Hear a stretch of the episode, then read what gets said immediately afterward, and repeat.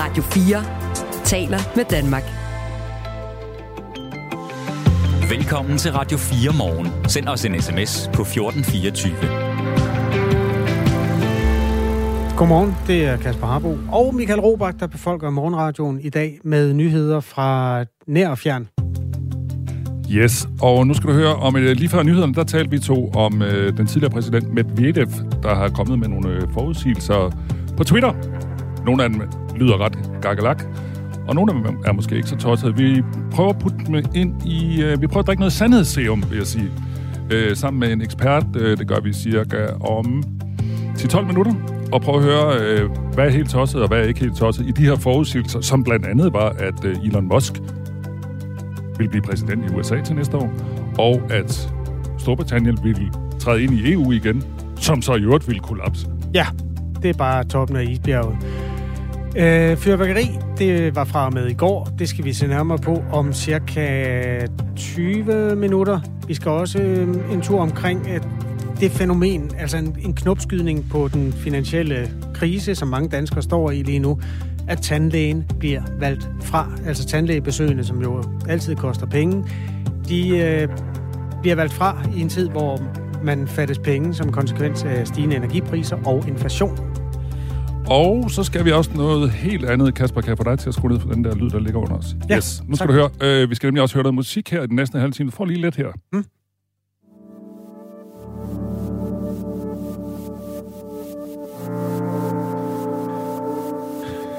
Ja, det var da et dejligt dynamisk stykke, du fandt. Ja, ja, ja, ja. Er det spillet baglæns? igennem natten Det grønne lys i chatten Vi er alle kategorier på Pornhub Dip, vands, fisk, blop, blop vores baby Ja, reflekser det er en lille teaser, men jeg kan sige til dig, at øh, jeg elsker den her tid mellem jul og nytår, fordi så kommer alle de her lister over de bedste film, de bedste sange, de bedste album og alt muligt andet. Og det vi skal om lidt, det er, at vi skal lige høre lidt til øh, de sange, som Soundvenue har kåret til de 25 bedste sange. Det her var en af dem. Må det ikke også, vi når øh, VM i darts? Øh, Du kan skrive til os, hvis der er en væsentlig nyhed, du synes, vi har overset. Nummeret herind, det er 1424. Radio 4 taler med Danmark. Først skal vi begynde med en, krig, en trist øh, konsekvens af, at øh, Taliban strammer det islamistiske greb om Afghanistans befolkning. Den danske NGO, altså nødhjælpsorganisation Dakar, der står for Danish Committee for Aid for Afghan Refugees, har de seneste dage holdt lukket i sympati med sine kvindelige ansatte, som man har været nødt til at sende hjem. Taliban-regeringen har nemlig i weekenden forbudt kvinder at arbejde for velgørenhedsorganisationer. Det gælder både de lokale og de internationale, som Dakar hører til. Det betyder altså, at 500 kvinder, som plejer at arbejde for Dakar, er blevet sendt hjem. Og i sympati med dem har man i første omgang holdt lukket. Man åbner i dag, men i meget nedskaleret grad, fortæller Claus Lykkegaard, der er sekretariatchef i Dakar, der altså hjælper befolkningen i Afghanistan. på den lange bane er det her en katastrofe. Ikke kun for os, men for det afghanske folk. Særligt selvfølgelig for de afghanske kvinder og, og, og børn, som vi øh, har et, øh, et mandat til at, til at skulle hjælpe. Dakar åbner altså igen, men uden de 500 kvindelige ansatte, som ifølge afghansk lovgivning nu ikke må arbejde længere. Vi har 230 øh, fastansatte kvinder på vores øh, kontorer rundt omkring i, i landet. Og så har vi øh, så har vi korttidsansatte, som er ansat på projekter, hvor en, en del af dem også er kvinder.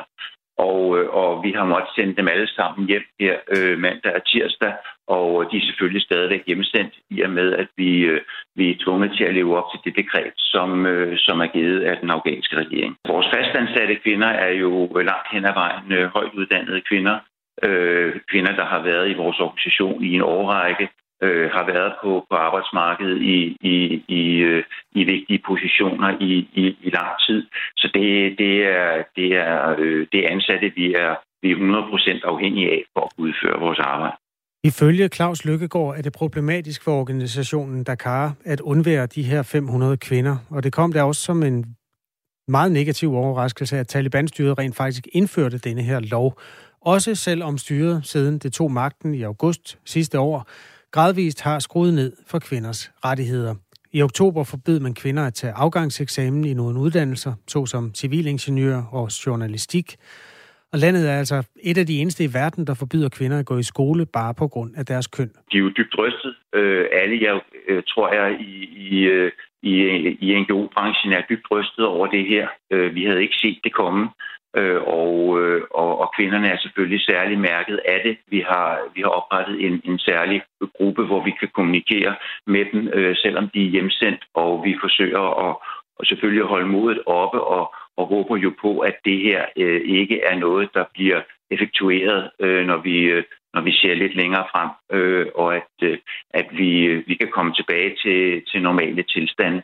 Vi indgår jo i en lang række forskellige øh, netværk og forer, hvor vi forsøger at lægge pres på den afghanske regering til at omstøde denne her beslutning.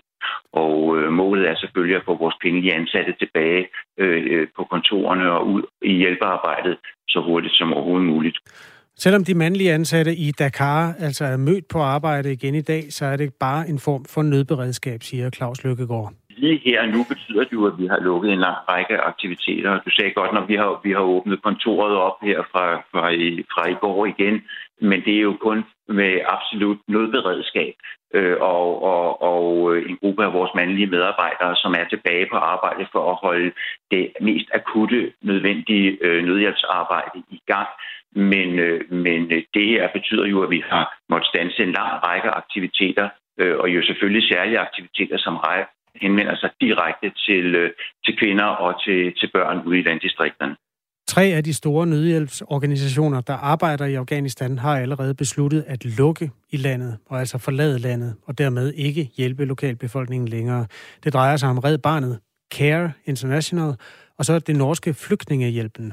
På trods af det, så fortsætter Dakar i første omgang med at arbejde i Afghanistan. Vores vurdering er også, at der er så akut behov for hjælp øh, i, i det land, at vi, vi føler os nødsaget til at, at holde det i gang, vi overhovedet kan, og sikre, at, øh, at der fortsat kan være rent drikkevand og, og, og, og direkte kontakt til, til de mest nødlidende øh, i landet. Men øh, vi, det skal da heller ikke lægge skjul på, at vi, øh, vi, vi ser meget, meget øh, øh, vi ser meget, meget kritisk på den situation her, og er bekymret for, om vi kan blive ved med at, at holde vores øh, selv nødberedskabet åbent. Og det er jo vigtigt at sige, at, øh, at vi gør jo alt for at lægge pres på den afghanske regering for at få det her omstøttet. Det gør vi jo i dialog blandt andet med de organisationer, du lige har nævnt, men en lang række andre organisationer, FN og EU, øh, som, som er i landet også. Så, så det, øh, vi, vi afventer situationen og, øh, og håber selvfølgelig på, at det bliver muligt at forhandle os øh, igennem til, til en helt anden beslutning i den afghanske regering. Og Dakar fortsætter altså i første omgang sin indsats i landet, men det bliver ifølge Claus Lykkegaard mere og mere vanskeligt. Øhm, og Claus Lykkegaard, altså sekretariatchef i Dakar, hørte vi her. Det her er Radio 4 morgen. Jeg lovede dig lidt tidligere, Kasper, at øh, du skulle høre nogle gode sange. Mm. Det er øh, musikmagasinet, eller musik og film, tror jeg det er, magasinet, der hedder Soundvenue, som har kåret årets 25 bedste danske sange. Og lad mig sige det sådan her, at de er ikke fundet øverst på hitlisten. Nej, jamen det er da godt med noget undergrund. Så nu bliver du lidt udfordret, tror jeg. Jeg kan bare lige få at sige noget om listen, at på 16. pladsen er Tobias Rahim. Ham har jeg hørt om. Ja, præcis. Og han er jo, ja, lige præcis. Og han er jo ellers, tror jeg, den store radiostjerne det her år. Mm. Men han er altså kun nummer 16. Nu får de tre øverste. Ja, tak. Er du klar? Ja. Det her, det er nummer tre. Ja, det var den, du Jamen, der kommer du. Du ved, du ved der kommer sang lige om ja, lidt. der kommer sang lige om lidt, ja. Det beroliger dig ved, ja. Vi er regntøj igennem natten Det grønne lys i chatten Vi er alle kategorier på Pornhub Dyb vands, fisk, blop, blop Vores babyreflekser griber ud efter glatte hjerter Skriver til dig igen Er du snart ved at være? Senere sidder vi og stener Mens du klemmer min hånd I flere timer atmosfæren tætner Laver små røde streger Og CO2 på vores hænder Efterlader kun oxygenrester til vores lunger uh. Hurtigt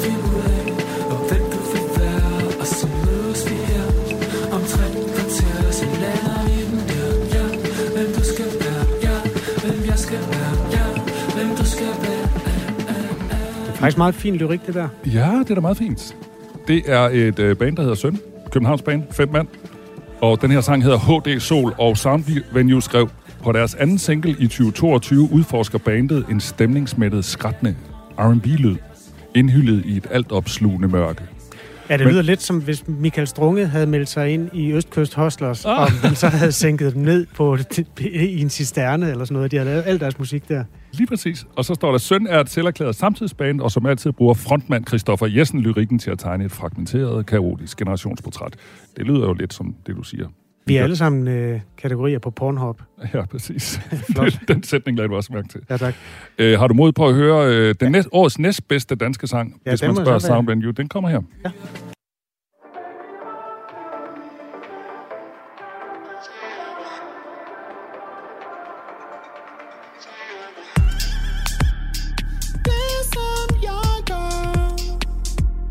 Hold da ferie.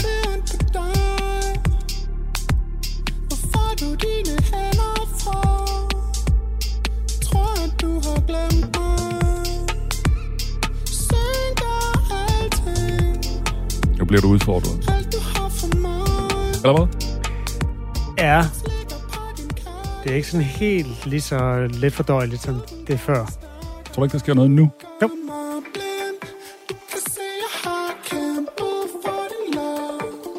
Eller hvad? Jamen, det er jo ikke mig, der skal bestemme. Hvis Nej. det er den næstbedste, så er det den næstbedste. Det er den næstbedste. Det er Du gør mig blind, hedder sangen, og øh, bandet hedder Kendt mod Kendt. Det er jo også øh, fem mennesker i det her band. Og øh, Sound Venues ord er blandt andet, der er tydeligvis noget mørkt på spil. En dyrisk understrøm af begær i den lyserøde kærlighed. En drift, der jævnfør sangtitlen gør den forelskede blind.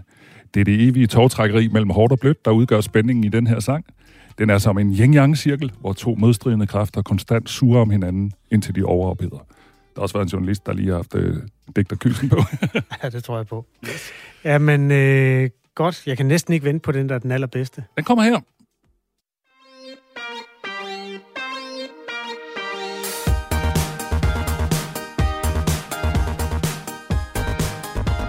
Er lidt mere fart på.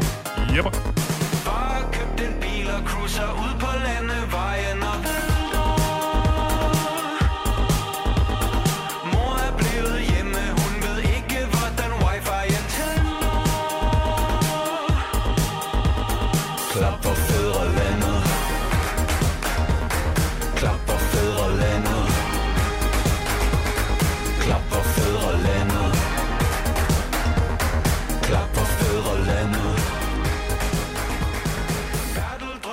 Ja, altså jeg må sige, det kan, det kan lytterne jo ikke se. Du smilede, du rockede med hovedet. Jeg tror, mm. du er enig i, gætter på, at det her var det bedste af de tre numre, vi har hørt. Altså, inden for et øh, felt, ja. Hvad er det, feltet hedder? Det hedder den bedste sang øh, i 2022. Øh, bedste danske sang. Og det her, det var den allerbedste. Den er, øh, det er et band, der hedder Sao Paulo, som er et oceansk band. Også fem mand. Der er fem mand i Mm. alle de her bands. Ja. Øh, og sangen hedder Klap for Fæderlandet. Og øh, i Sound Venue skriver de blandt andet gammeldags og nærmest danstoppet i sit væsen, men samtidig umiskendelig i 2022. 20, og så føles de skrålevenlige linjer på en eller anden måde både bøvet og begavet. Det synes jeg egentlig er meget rigtigt. Vores øh, lytter, Katarina, hun har også en holdning til øh, det, der nogle gange sådan er i randområdet af dansk top, fordi hun skriver nemlig, ah, der er sgu langt fra det skrammel, der bliver lavet nu til dags, til for eksempel danser med drenge. Trist, trist udvikling i dansk musik. Og en anden skriver, hvem i alverden har spillet tid på det skodmusik. Iben skriver, er der så lidt nyt i verden, at vi skal bruge så meget tid på det her musikpjatteri? Og Iben, der kan jeg fortælle dig, at det er der. Men øh, vi har væsentlige nyheder til dig, en af dem kommer sådan cirka nu. Hvor klokken er 19 minutter over syv, og vi har overfløjet den væsentlige musik fra 2022. yes. Det her er Radio 4 morgen. Den tidligere russiske præsident Dmitry Medvedev har i en række opsigtsvækkende opslag på de sociale medier, Telegram og Twitter til sydenlande hed den helt store krystalkugle frem for at se nærmere på, hvad der kan vente os i det nye år. Og det er åbenbart ikke småting. Han spår borgerkrig i USA, en ungarsk-polsk besættelse af det vestlige Ukraine og en krig mellem blandt andre Tyskland og Frankrig. Ja, det er blot nogle af de få ting, der angiveligt venter os i det nye år. Men er der et eller andet sted en lille snært af realisme i de her forudsigelser? Det skal vi nu tale med dig om, Hans Peter Mikkelsen, selvstændig forsvarsanalytiker og tidligere militæranalytiker ved Center for Militærstudie på KU. Det var langt. Godmorgen. Godmorgen. Du har indvildet nej, i... realisme, ja. Hvad siger du? Ja, jeg siger nej, realisme, det synes jeg ikke lige frem, jeg kan finde ret meget af. Nå, Men, det kommer øh, vi tilbage til. Det kommer vi tilbage Ja. til. Øh, du har indvildet i, at vi lige skal prøve, øh, trykprøve nogle af de her øh, spotdomme, men før vi går i gang med det, hvor opsigtsvækkende er det så egentlig, at den tidligere russiske præsident, som i øvrigt står Vladimir Putin meget nær, giver sig i kast med at spå om øh, fremtiden i sådan en nytårshilsen her? Ja, ja, det er, det er ret opsigtsvækkende, og jeg så også, jeg så det på Twitter, der var der mange, der, der, der ser, spurgte, om han havde kigget lidt for dybt i vodkaflasken inden nytårsaften, uh, fordi uh, det er jo nogle bemærkelsesværdige udtalelser, han kommer med. Det er næsten hele, uh, altså, uh, bortset fra Rusland, så, så nedsmelter hele den vestlige verden mere eller mindre i hans uh, forudsigelser. Ja. Øh, så, og, og i starten tænkte man også, at det her er en, en, øh, noget fake, eller et eller andet, der har hacket hans konto eller noget, men øh, det ser ud til, at det er sendt videre via TAS, så, så det må jo... øh, Som er det russiske så- øh, nyhedsbureau. Ja, ja. Så, så han må jo have skrevet det selv, øh, peger meget på. Medvedev, øh, som vi taler om, var Ruslands præsident fra 2008 til 2012. Øh, det var efter, at Putin havde været præsident i to perioder, og ifølge den daværende russiske øh, forfatning ikke kunne fortsætte. Putin genindtrådte som præsident i 2012, og Medvedev blev mandag udnævnt som Putins højre hånd for et organ, der fører tilsyn med Ruslands militærindustri. Lad os prøve at tage nogle af, nogle af de her spot om øh, Hans Peter Mikkelsen. I sine forudsigelser, der spår Medvedev blandt andet, at Tyskland og Frankrig kan komme i krig med hinanden i løbet af 2023. Hvor sandsynligt er det? Jeg vil sige 0 procent. 0 procent. Ja, altså øh, den europæiske integration, der er foregået siden 2. verdenskrig, har jo haft et hovedformål, mm. at undgå en krig igen mellem de europæiske stater, ikke også? Så alt er jo bundet sammen, så, så vi er jo ikke, øh, altså, øh, så, så det er jo helt på munden. Så den får et stort øh, fedt minus for dig. Det kommer ikke til at ske. Ja, ja, Godt. Øh, derudover så forudser den tidligere præsident også, at der udbryder borgerkrig i USA, og det vil føre til, at den rigeste mand i Amerika, Elon Musk, bliver præsident. Hvor realistisk er det? Der, der er sådan to ting i det. Der er både en borgerkrig og Elon Musk som præsident. Hvad tænker du om det? Ja, altså, der har jo været generelt bekymring efter også angreb på kongressen der øh, for, øh, nu er vel snart, øh, øh, vi vil være to år siden, er det ikke? Øh, tiden går hurtigt. øhm, og øh, ja, der er splittelse i USA, men ligefrem borgerkrig, det er der jo ikke nogen af de, der så følger USA tæt, der, øh, øh, der forudser.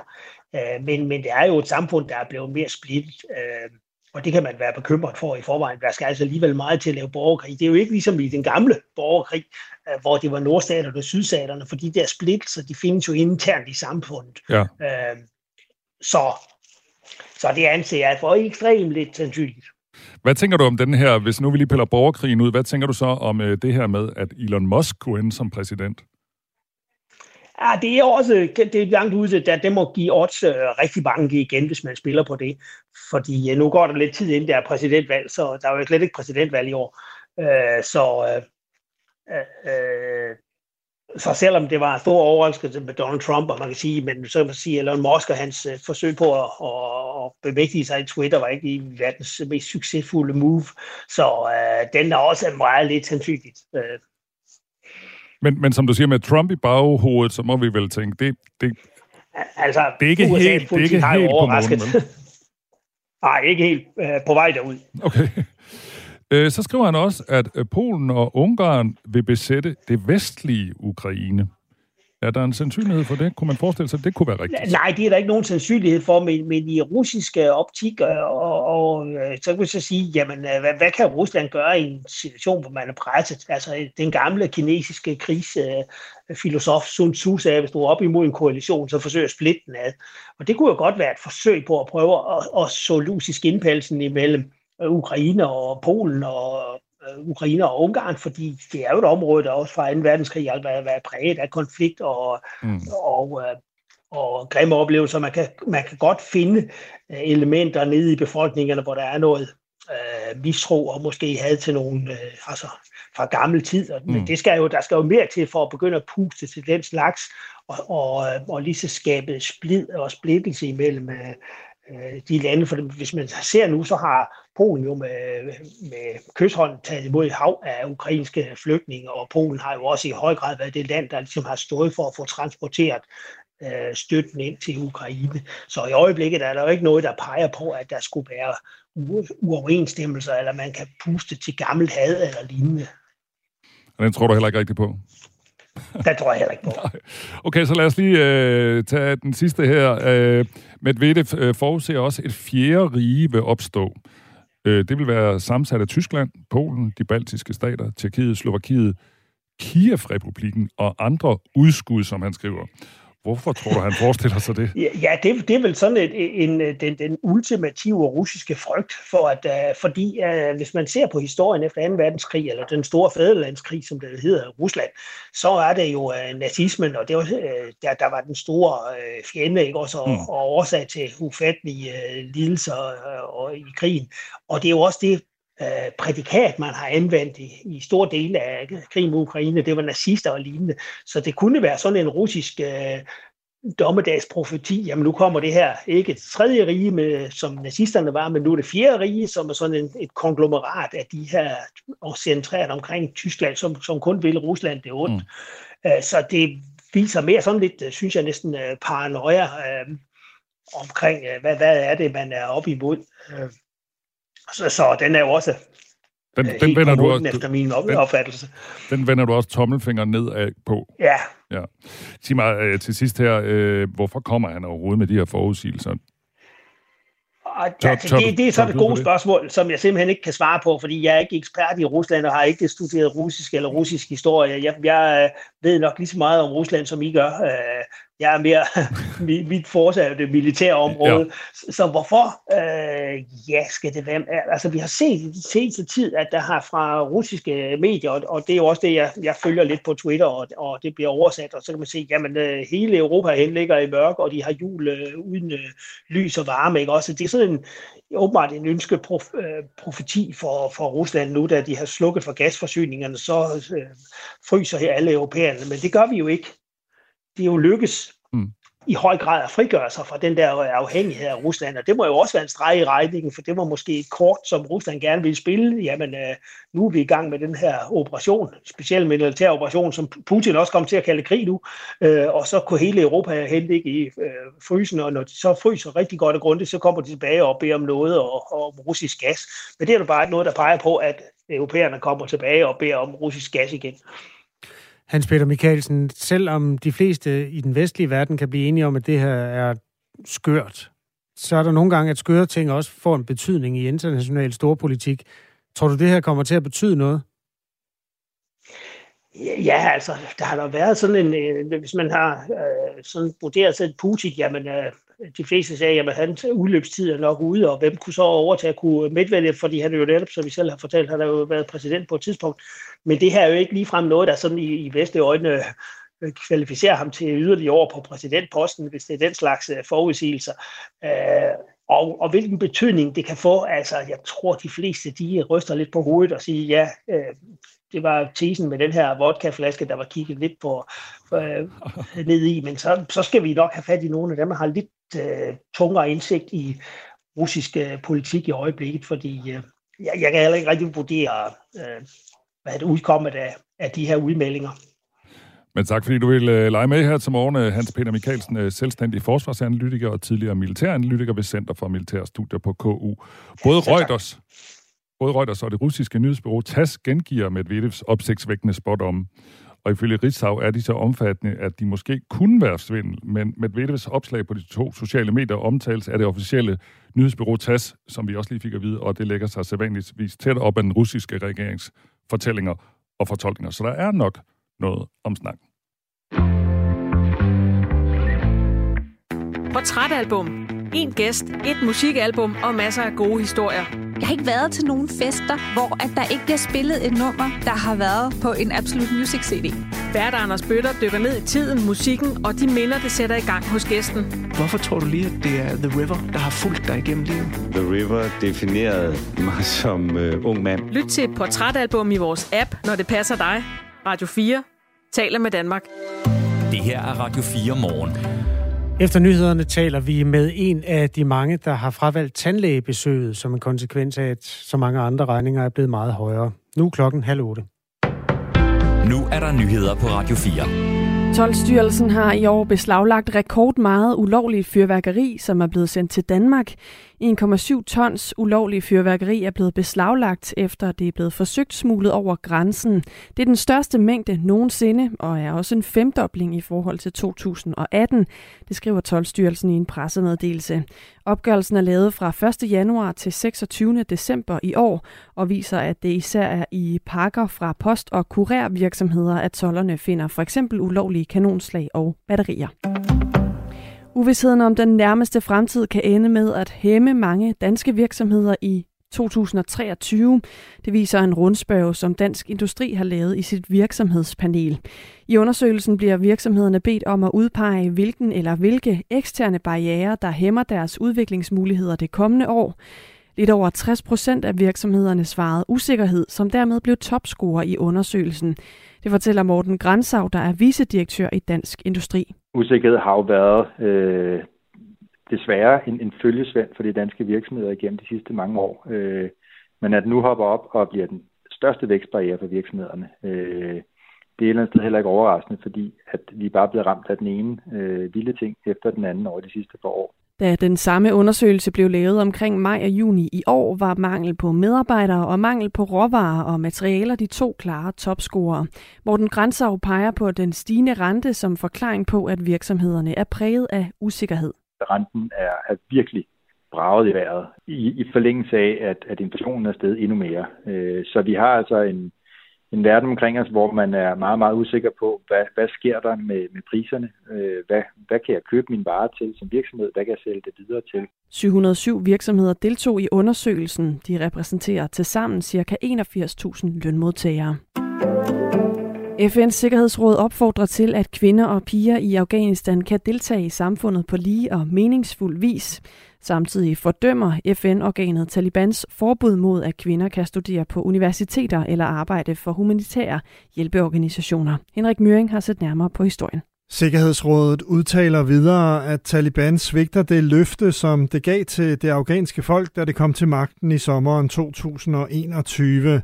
Erklæringen er vedtaget med konsensus af de 15 lande i Sikkerhedsrådet. Her hedder det, at forbuddet mod, at kvinder kan møde op på universiteter og gymnasier, repræsenterer en stigende udhuling af respekten for menneskerettigheder og fundamentale friheder – i lørdags meddelte Taliban, at det nu ikke længere er tilladt for kvinder at arbejde for uafhængige organisationer, såkaldte NGO'er. Det gælder både afghanske og internationale organisationer. Tidligere har Taliban også lukket for skolegang for piger fra 7. klasse og op efter. De har forbudt kvinder at varetage de fleste typer job, og der er indført strenge regler for, hvilket tøj de skal bære. Taliban kom til magten i landet i august sidste år. Dyrenes beskyttelsesberedskab er i år rykket ud til rekordmange dyr, der har haft brug for hjælp rundt omkring i Danmark. Flere end 30.000 henvendelser fra borgere til Dyrenes Beskyttelses vagtcentral har ført til udrykning. Den øgede aktivitet hos beredskabet sker på trods af, at vagtcentralen generelt har fået færre henvendelser i år end sidste år. Der kan være brug for at rykke ud og hjælpe et dyr, hvis der for eksempel har været en påkørsel.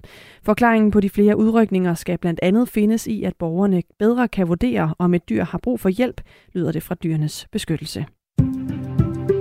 Skydevær med udbredt regn venter os i dag ud på dagen mulighed for en smule opklaring stedvis med lidt sol og ellers temperaturer mellem 4 og 8 graders varme.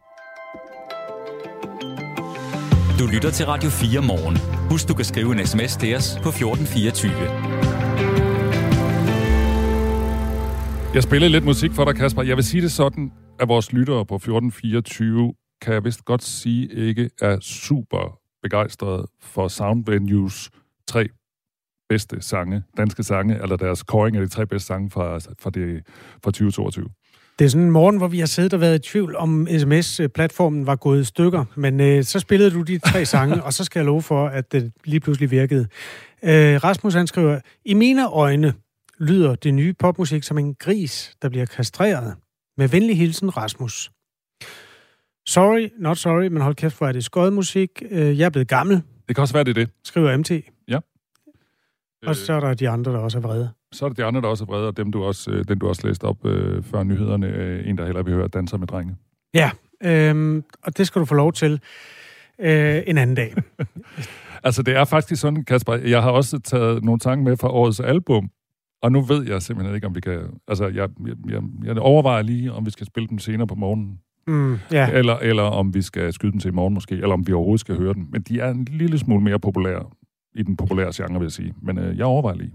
Ja, det er jo lille fredag i morgen, så vi kan overveje det. Ja, det kan vi nemlig. Lad os øh, i stedet øh, skyde noget andet af, fordi øh, der bliver købt mindre fyrværkeri i år end sidste år på grund af den høje inflation. Det viser en analyse fra Dansk Erhverv. Det er lovligt at øh, skyde af fra og med i går og frem til og med 1. januar. Så hvis du er en af dem, der trods alt har fundet penge til det, øh, der lyser og brager, så skal du lige lytte med nu. Øhm, vi har talt med Henrik Drink, der er professionel festfyrværker, og han har en håndfuld gode råd, som lyder banale, men som bliver overtrådt hver eneste år. Der er tre regler, som gør det hele mere sikkert. Den første lyder meget simpel, men det er den vigtigste. Jeg vil sige, at den vigtigste ting overhovedet, det er at huske at skrue hovedet på. Altså forstået på den måde, du skal lige have din omtanke med dig. Ikke nødvendigvis øh, øh, i forbindelse med, at du selv skyder fyrværkeri af, for du kan faktisk være almindelig tilskuer, der kommer ud, og så er der pludselig nogle andre, der gør noget dumt, og så kommer du til skade. Det kan virke oplagt, ja, men husk at skrue hovedet på. Huskeregel nummer to er en klassiker, man også har hørt mere end en gang. En af de helt sikre grundregler, som kan hjælpe med at undgå skader, det er jo sådan noget som sikkerhedsbriller. Det er en dansk tradition, det er ikke noget, man kender ud i resten af verden. Men på grund af, at Danmark har så stærk en tradition med sikkerhedsbriller, så har vi meget få øjenskader. Mm. Øjenskader er nogle utrolig ærgerlige skader, for de følger der jo resten af livet. Og ikke at kunne se, det er ikke nogen rar og sjov øh, oplevelse, og det er, er virkelig dramatisk, når det sker. Mm. Så sikkerhedsbriller er en god ting. Så når du har husket den sunde fornuft og dit gode hoved og dine sikkerhedsbriller, så er der endnu en ting, du skal huske, nemlig afstand. Det er altså ikke 4 meter, eller 6 meter, eller 8 meter. Det er mange, mange, mange flere meter. Det er typisk 30, 40, 50, måske helt op til 100 meter. Du skal være væk fra der, hvor der bliver skudt fyrværkeri af. For at være sikker på ikke at blive ramt af noget, hvis noget går galt. Og det er nok egentlig det, der er det største problem ved, ved, ved, ved sikkerhed og fyrværkeri. Det er, at vi har en forventning om, at fyrværkeriet gør sådan, som vi regner med, at det skal gøre. Det, der så giver problemer, det er, når fyrværkeriet gør noget, som vi ikke regner med, at det skal gøre. For eksempel, når den store ølflaske, undskyld, ølflasken med den store raket i, vælter lige efter du har tændt den, på grund af et vindpust, eller fordi du kom til at skubbe til den. Ja. Så har vi jo altså et problem, så vender raketten lige pludselig ikke op i luften, hvor den egentlig skulle hen. Den vender hen vandret og skyder i en eller anden fuldstændig vilkårlig retning efter, hvad var ølflasken nu lige øh, væltede, og hvor den rullede hen, inden raketten begyndte at flyve. Og så har du pludselig raketter, der i stedet for at flyve 100 meter op i luften, ah, 75 meter op i luften, flyver 75 meter vandret ind igennem folks øh, huse eller i hovedet på, på, på nogle publikummer, der faktisk står temmelig langt væk. Så hvis du husker afstand, sikkerhedsbriller og sund fornuft, så er der altså mindre risiko for, at det går galt nytårsaften, og så har Henrik Drink også en ekstra vigtig opfordring til alle derude. Det er alt for kraftigt og direkte farligt, også fordi kvaliteten på det ofte ikke er stabil, fordi det ikke er kontrolleret. Der blev sidste år solgt fyrværkeri for samlet 450 millioner kroner, og i år forventer Dansk Erhverv, at der bliver solgt noget mindre, altså for 300 millioner kroner. Radio 4 taler med Danmark. Skal vi tage en opdatering på VM i dart, der bliver spillet i London i disse uger? Øh, ja, altså jeg har ikke set et sekund, så jeg har virkelig brug for en stor opdatering. Ja, øh, man spiller 501, bedst af et eller andet antal sæt. Mm. Øhm, Ah, vi kan ikke starte fra Adam og Eva. Der findes også mennesker, der ved det. Øh, men der spilles, øh, så vidt jeg kan se, 120 kampe. Og i går blev der spillet seks, og den helt store overraskelse var, at verdensmesteren Peter Wright, kendt for sin farvestrålende hanekamp og sit flotte tøj, ikke klarede sig så godt. 79. Well, he had a chance to win the set. Is that the last dart Peter Wright throws at the defense of his title? Ja, man kan jo ikke vinde hver gang, og det gør han så heller ikke. Øh, han røg ud til en noget øh, undertippet Belgier. Må jeg spørge, er han så ude ude? Jeg kender ikke systemet. Er det sådan en kopturnering, hvor man ryger ud undervejs, eller øh, var det bare en ærgerlig kamp? Nej, nej, det er jo ikke VM i fodbold, hvor man må tabe til... Øh, du må tabe tre gange. Du må tabe til Saudi-Arabien, og så blive verdensmester alligevel. Nej, når du har tabt, så er du ude. Wow. Øhm, og det var, ja, altså, der er jo fedt. Det har du ikke øh, opdaget endnu, men jeg vil gerne hjælpe dig med at forstå det. Tak skal du have. Altså, hvad, som- hvad, hvad er det fede så?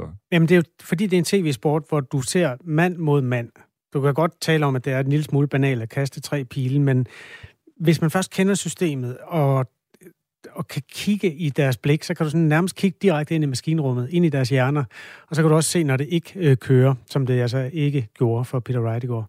Er der ikke også, øh, de gange, hvor jeg er gået forbi et fjernsyn, hvor der var dart, er der ikke også sådan noget, nu ved jeg godt, der har med hanekam og det farvestrålende tøj, mm. men er der ikke også sådan et element af helt almindelige mænd? Forstår du, hvad jeg mener? Jo. Det er ikke sådan fodboldstjerner. Nej, nej, altså det, det, det er- der er sådan et element af, at man kan næsten genkende dem nede fra det lokale værtshus, ikke? Der er mange af dem, der øh, kommer direkte fra det lokale værtshus. Altså, det er jo der, hvor talentmassen er. Ja. Det er jo ikke, øh, man mødes jo ikke på de grønne planer. Man mødes jo faktisk, altså selvfølgelig er der dartklubber, hvor der ikke bliver røget og ikke bliver drukket. Men mange af dem har også været ude at drikke. Det, er, Ja. det kan man godt se på dem. Er det en fascinationskraft, egentlig? For dig, der Mm. følger det så tæt, det der med, at det, det kunne lige, næsten lige, lige no- nogen, man kunne møde på det lokale værtshus. Nej, det er det egentlig ikke. Du når, jeg, når jeg skal overbevise min kæreste om, at dart er en uh, sport, der rummer uh, fantastiske mennesker, så fortæller jeg, dig, øh, så fortæller jeg hende, og nu dig, om Alan Sutar, uh, som er skotte. Mm. Og så han skal faktisk spille i dag mod en hollænder. Alan Sutar, han er uh, frivillig brandmand. Nej, han er professionel brandmand. Han arbejder på en brandstation i Aberdeen. Mm. Uh, tidligere var han uh, Green Beret, altså sådan en elitesoldat, har været udsendt afskillige gange, simpelthen været i krig. Han er ret øh, veltrænet på den der sådan lidt underspillede måde, du ved. Altså, han har ikke store muskler, men alle kan se, at han, han, kan, han kan banke alle, også dem med store muskler. Så har han en øh, hobby mere, som han fortalte om til BBC på et tidspunkt. Han træner øh, hundevalpe, sådan op til at blive førerhunde for blinde. Så han er også a good guy. Ja, kan du høre det? Ja. Spiller i eftermiddag. Må jeg så spørge øh, lidt privat, hvad siger din kæreste, når du så har øh, solgt øh, de der, ham der, du lige øh, talte om, som du nu allerede har glemt navnet på? Sætter hun sig så i sofaen ved siden af dig og følger med i dart? Ej, hun plejer at sige, ja, ja. Det siger jeg også, men jeg vil give det en chance. Øhm, der er jo en lille krølle på det her, fordi der var to overraskelser for mig i går. Den ene var, øh, som bekendt, at Peter Wright, verdensmesteren, røg ud. Den anden, det var faktisk, øh, fordi jeg var inde og læse lidt op på ham, kommentatoren her. Kim Most Han hedder Stuart Pike, og han har kommenteret dart i rigtig mange år øh, her for Sky Sports. Jeg gik ind, fordi jeg vil læse lidt om ham. Øh, Jeg kan se, at han er 61 år, og der står på Wikipedia, han har to børn, Daniel og Rachel, og så har han to øh, steddøtre, og så har han en bengalsk tiger, der hedder Rupert. Det er da meget passende. Jeg kan bare ikke finde ud af, om der er nogen, der har trukket ham i fingeren derinde, eller om det rent faktisk er virkelighed. Altså, Wikipedia er jo det brugergenererede leksikon til Ja, alt. så folk kan skrive lidt til og skrive øh, lidt fra. Men altså, det lyder som nogle farverige personligheder, du bruger din... øh, Er det efter, a, eftermiddag eller aften, når man siger dart? Det er eftermiddag og aftener. Øhm, eftermiddags session starter kl. 13, så hvis du husker, så er det kl. 20 i aften. Okay. Men jeg har spurgt ham på Twitter, om det er rigtigt, at han har en tiger, og han har ikke svaret endnu. Men lad det være en følgetong. Wow. Så kan jeg i morgen både opdatere på ja, Van Gerwen og Michael Smith og Gary Anderson og Alan Sutars kampe, og fortælle, om han har en tiger. Jeg glæder mig til det hele. Det her er Radio 4 morgen. Rentestigningerne har der været mange af i 2022, og i går kom der en, der kan mærkes for boligejere. Der blev nemlig fastsat en ny rente for de omkring 200.000 boligejere i Danmark, der har en, øh, en, et realkreditlån, hvor renten bliver fornyet hvert halve år. Det er det, der hedder CITA-renten, der bruges som udgangspunkt, når renten bliver justeret. Og renten står altså til at stige mere end 2% point i snit. Jeppe Jul Borger er øhm, cheføkonom i Arbejdernes Landsbank. Godmorgen. Godmorgen. De mennesker, der har lånt penge på den måde, hvor renten altså bliver fastsat hvert halve år, hvor meget kommer de til at mærke den rentestigning, der kom i går? Jamen, det kommer det egentlig til at mærke en hel del. Øh, sætter vi kroner og øre på, så svarer det til per lån i million. At hvis man har et lån med afdrag, så er det omkring 600 kroner om måneden, når man skal betale ekstra. Mens hvis man har et afdragsfrit lån, så er det altså 1400 kroner om måneden ekstra. Og det her det er jo per lånende million, som jeg nævnte før. Det vi så også skal huske på i det her, det er, at det kommer faktisk oven i den her meget høje inflation, øh, som vi oplever i øjeblikket så har vi sådan en gennemsnitlig dansk børnefamilie, så inflationen alene, øh, det betyder, at man betaler omkring 3.500 kroner mere for sit månedlige forbrug, sammenlignet med for et år siden, og så nu kommer de her rentestigninger altså oveni. Så det, det er altså noget, der kan mærkes i, øh, i, i patienten. Hvorfor er det egentlig dyrere øh, i renter, når det er afdragsfrie lån?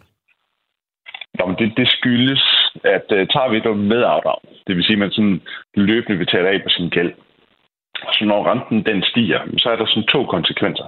Det ene er, at ydelsen stiger, men den anden konsekvens er, at afdraget falder. Det vil sige, at man løbende betaler sin gæld mindre af. Summer man den her ydelsestigning og afdragsfaldet, jamen så giver det det samme som den samme ydelsestigning på de afdragsfri lån. Så konsekvensen er lidt den samme, uanset om øh, man har lån med afdrag eller uden afdrag. Den er bare fordelt lidt anderledes på, på lån med afdrag. Hvor, altså nu taler vi om 200.000 mennesker her, og nogle af dem har sikkert haft nogle gode år, fordi de har været meget lave, de her øh, korte renter. Men stiger altså nu til 2,9 procent. Det er sådan historisk set ikke nogen alarmerende øh, rente, men det er jo en høj stigning, og der vil vel være nogen, der får problemer her, eller hvad? Jamen, problemer og problemer. Det kommer an på, hvad man lægger i jordet. Øh, problemer. Fordi hvis man lægger i jordet, at øh, folk må gå for huset hjem, så man kan har råd til den her rente, så tror jeg det ikke. Øh, det vil være de færreste, og det, det kan lyde måske øh, lidt nøgternt at, at sige, men, men det tror jeg simpelthen ikke på. Øhm, og det skyldes, at de er blevet kreditgodkendt til at kunne betale med højere rente. Altså da man skulle give et lån, så, så vidste man jo også godt, at renten kunne sagtens stige. Også til op i nærheden af 3 procent. Så det, det ved vi udmærket godt, at det her boligejere godt kan betale det. Men hvis man ændrer ordet problemer til, at det handler om, at det påvirker privatøkonomien. Ikke så man går fra hus og hjem, ikke har råd til det, men at det påvirker privatøkonomien, så vil det påvirke rigtig mange boligejers privatøkonomi. Her der tænker jeg på, at man præcis, som du også selv er inde på, at man har jo måske vendt sig lidt til de her meget, meget lave renter. Altså for et år siden, der havde de her boligejere en rente, som lå i minus. Og så har nogen måske indrettet deres forbrug efter, at man havde en rente i minus, hvor renten har været i mange, mange år. Og nu oplever man så rentestigningen. Det betyder, at man skal betale flere penge om måneden på boligudgifter, de her kroner som jeg nævnte før, og at man så kan bruge færre penge på noget andet forbrug, for eksempel at gå ud og spise, eller købe nogle ting. Øh, og, øh, og så ændrer det så forbrugsadfærden hos boligejerne. Så jeg forventer ikke, at de går for huset hjem, øh, men jeg forventer, at der er nogen, der bliver nødt til at sætte ekstra penge til side i husholdningsbudgettet til boligudgifter simpelthen.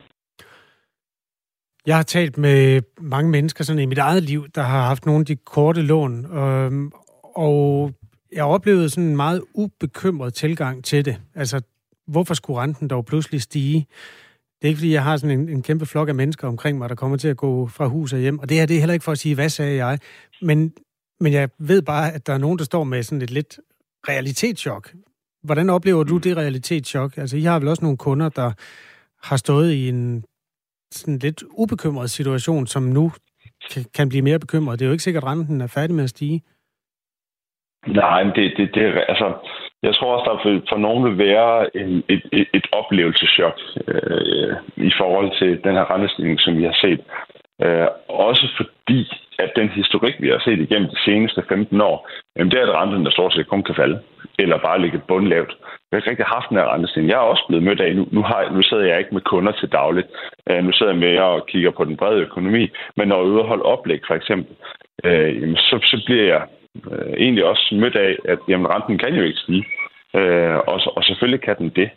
Øh, og det ser vi så nu. Vi skulle bare vente sådan for alvor 15 år på, at det kunne ske i det her omfang, som vi, som vi oplever i øjeblikket. Skubbe tiden et år tilbage, bare for at sætte, sætte lidt billede på det. Jamen, der var renten jo i minus på de her variable forandrede lån, mens den var halvanden procent på et fastforandret lån. Øh, også dengang, der kunne der være lidt en oplevelse af, jamen, den faste rente er jo langt, langt højere end hvad den er på de her variable forrentede lån.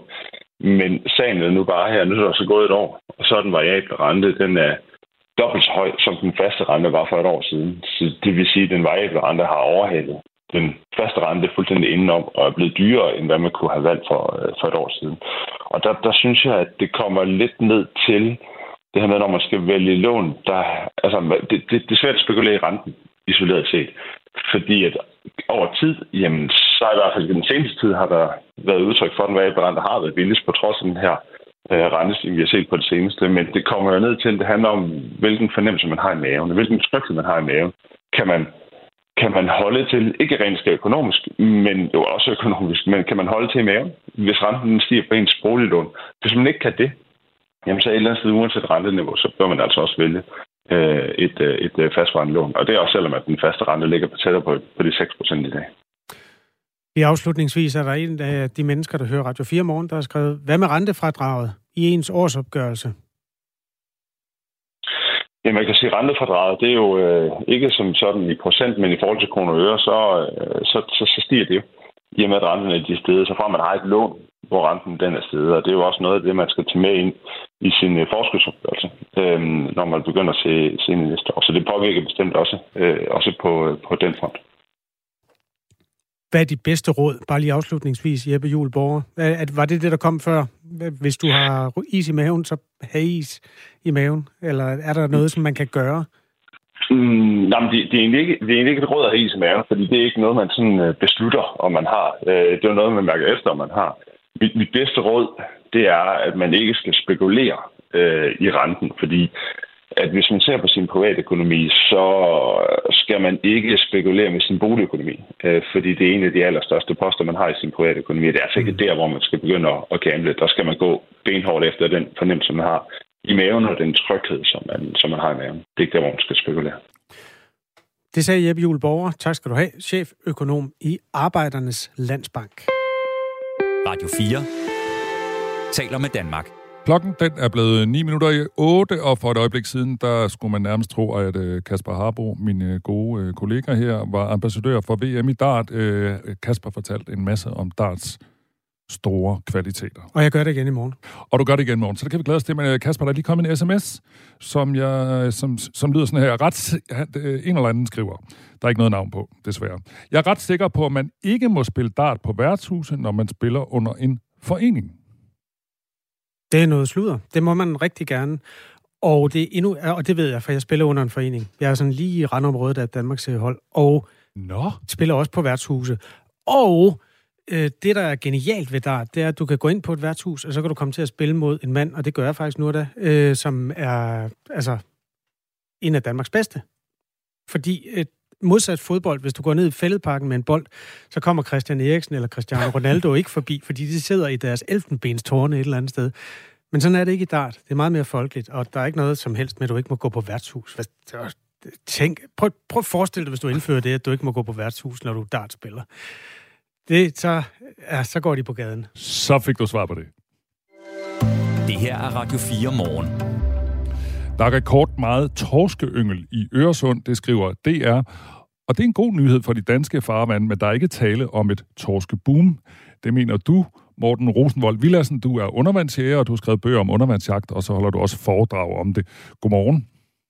Godmorgen. Hvorfor har du egentlig ikke armene op over hovedet over, at der har været rekordyngel af torsk i Øresund?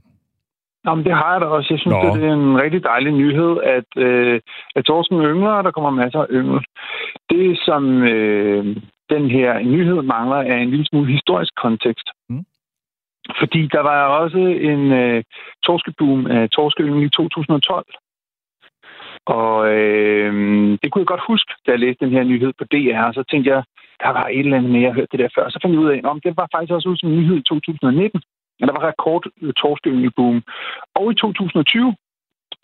Og så er det, man tænker, nå jamen, så, øh, så er det vel, det må jo så resultere i, at torskebestanden har det bedre, men det har den ikke. Øhm, så øh, altså, torskebestanden i Danmark er blevet forvaltet så vanvittigt dårligt, at øh, vi har haft en nedadgående kurve, sådan set for helikopteren, øh, i måske 50 år. Altså, jeg fandt, øh, nu kigger jeg lige på artiklen, øh, Jagt i går aftes her, ja. og så fandt jeg artikler tilbage fra 2003, hvor man så har beklaget sig over det, det overfiskeriet de sidste 30 år. Det var i 2003. Og da jeg begyndte at undervandsjage der i 2005-7 stykker, der havde vi altså et rigtig godt torskefiskeri, og i 12 havde vi også et godt torskefiskeri, og det er kun gået ned ad bakke siden da. Og det er jo også kvoterne blevet mindre. Øhm, så at, at der er torskeyngel, og at den er mere normal, er selvfølgelig altid, men vores, øh, når vi kigger på det, så kan vi se, at det bare ikke resulterer i, at øh, torskebestanden bliver højere. Og det er jo fordi, der er noget andet i vejen. Okay, jeg skal bare lige være med. Altså, så der er masser af små torsk. Ja, men, lige nu. Lige nu. Men det udmyndter sig ikke i, at vi får en masse store, fede torsk på lidt længere sigt. Okay. Det er min spot om, ikke? Fordi det, sådan har det været i 2012, 2019 og 2020, og det er fordi, der er noget andet i økosystemet, der er i stykker. Det er fordi, vi ikke har ålegræsbælterne længere, fordi at de er blevet skygget væk af algerne, som kommer fra landbrugets næringsstoffer. Og det er fordi, vi har et hårdt fiskeri øh, efter torsk, og fordi vi øh, hvad hedder det, altså med bundtrål og så videre, som ødelægger bunden. Og, altså det er fordi, der er, man snakker om marine presfaktorer, og der er simpelthen så mange marine presfaktorer, der er ingen af dem, der er gode. Og det er alt det, som mennesket udsætter havet for. Øhm, og, og det gør, at, at selvom der er måske et led øh, i en stor maskine, der fungerer godt lige nu, det er så så resulterer det bare ikke, øh, fordi økosystemet er i stykker, så resulterer det bare ikke i, at vi får en stor fed torskebestand om to, tre, fire år. I 20... De bliver spist, de forsvinder, okay. de, øh, de dør måske af sygdom, måske af gift, måske af, I don't know, måske kan de ikke finde et sted at, at være små. Altså måske er det nu ikke gennemstedet til små fisk, fordi ålegræsbælterne er væk. Uh, altså der, der er et eller andet i det. Måske er der for mange sæler og skarv i forhold til, hvor mange der er torsk i øjeblikket. Der er noget i, i økosystemet, der ligesom er skævt, eller som ikke virker. Så det, der øh, så ud som en øh, rigtig god nyhed øh, i går, den siger du, ja, hmm, ikke, øh, hvis man godt kan lide store fede torsk. Jamen altså, en svale gør ingen sommer. Jeg skal, skal da helt klart sige en god nyhed, og jeg vil da elske, at der var store fede torsk om 3-4 år på baggrund af den her øh, års rekruttering. Det er det, man kalder det med de her hvad det, øh, yngel. Altså, så jeg vil, da, det vil jeg elske at tage fejl. Jeg kan bare se, at hvis vi kigger en lille smule tilbage, og det er altså kun 19 og 20, altså de torsk fra rekord torskeyngelår i 2019-2020, dem burde vi jo kunne se svømme rundt nu som store 2-3 kilos fisk. Det gør vi altså bare ikke. Nej. I 2022 der indførte EU regler om, at fritidsfiskere og sportsfiskere kun må hjemtage én torsk om dagen, og fra midten af januar til udgangen af marts i år, hvor torsken har sin gydeperiode, har fiskeriet af torsk været helt forbudt, og samtidig blev erhvervsfiskernes torskekvoter væsentligt begrænset. Hvis man så gerne vil have store torsk i danske farvand, altså det du efterlyser, hvad, hvad, har du et bud på, hvad man så skal gøre? Ja, altså selvfølgelig skal man begrænse fiskeriet.